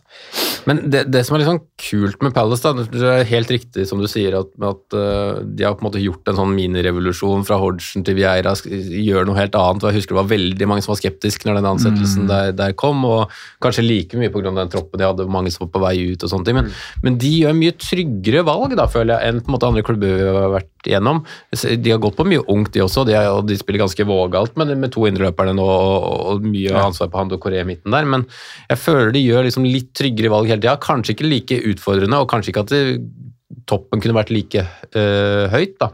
Men de gjør liksom trygge valg i hvem de henter. De har relativt solide mann bak, de har brukbare keepere, de har til og med en reservekeeper nå som omtrent vel så god. Mm. Eh, så det er liksom det er ganske, ganske trygt, og så håper jeg der etter hvert at man tør å, å satse enda mer på det, på det krydderet og de, de unge gutta. For det har jo blitt løs, ja. ja, det har jo blitt en sånn der lekegrind for, øh, for gutter fra Øst-London, føler jeg. Eh, Så jeg håper liksom at det blir liksom bare bygger enda mer på det der. da.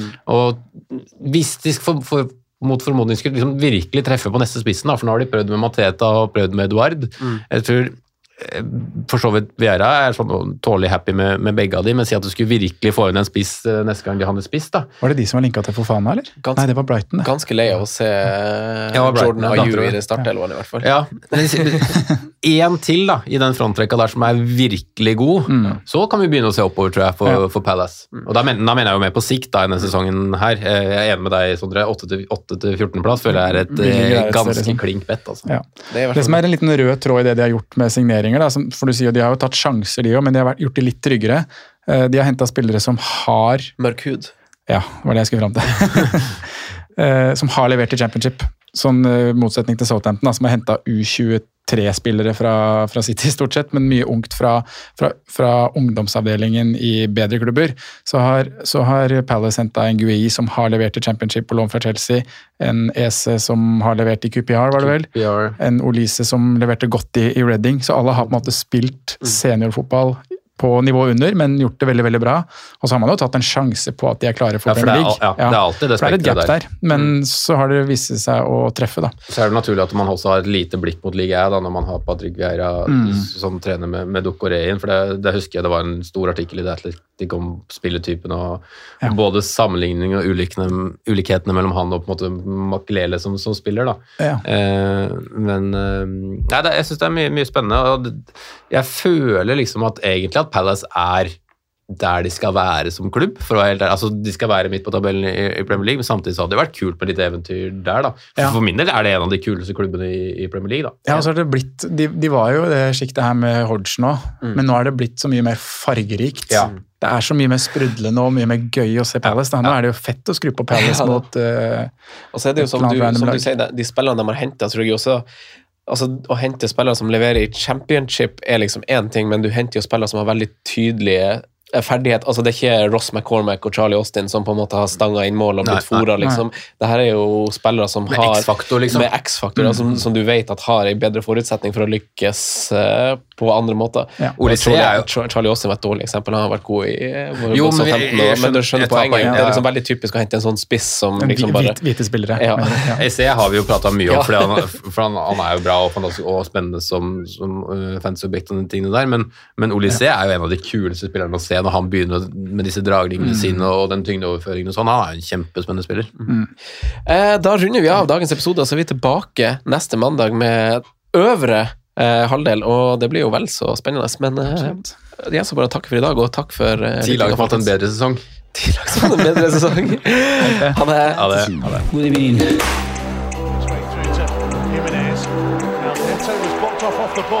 Jimenez. Might go in a line. God evening.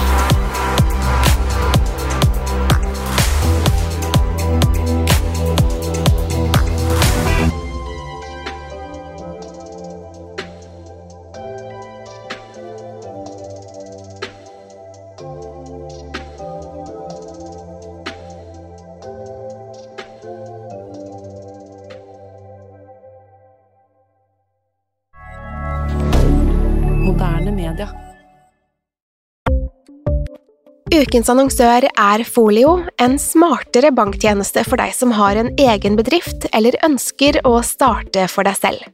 Folio er en superenkel nettbank for bedrifter. Som kunde i Folio får du en bedriftskonto med et bedriftskort og app. I denne appen er det smarte løsninger som forenkler regnskapet ditt, uansett om du har en liten bedrift eller et enkeltpersonsforetak. Folio er både intuitivt og brukervennlig, og er laget med et enkelt språk. I tillegg tilbyr de forutsigbare priser og ingen skjulte gebyrer. Skulle du likevel trenge det, så kan du snakke med deres raske og hyggelige kundeservice, og der får du prate med en faktisk person og ikke en chatbot. Folio er med andre ord både enklere og koseligere enn banken. Over 10 000 bedrifter har allerede valgt Folio som sin banktjeneste, så besøk folio.no og se hvordan Folio kan forenkle din hverdag også. Har du et enkeltpersonforetak eller en liten bedrift? Da er du sikkert lei av å høre meg snakke om hvor enkelt det er med kvitteringer og bilag i fiken, så vi eh, gir oss her, vi. Fordi vi liker enkelt. Fiken superenkelt regnskap.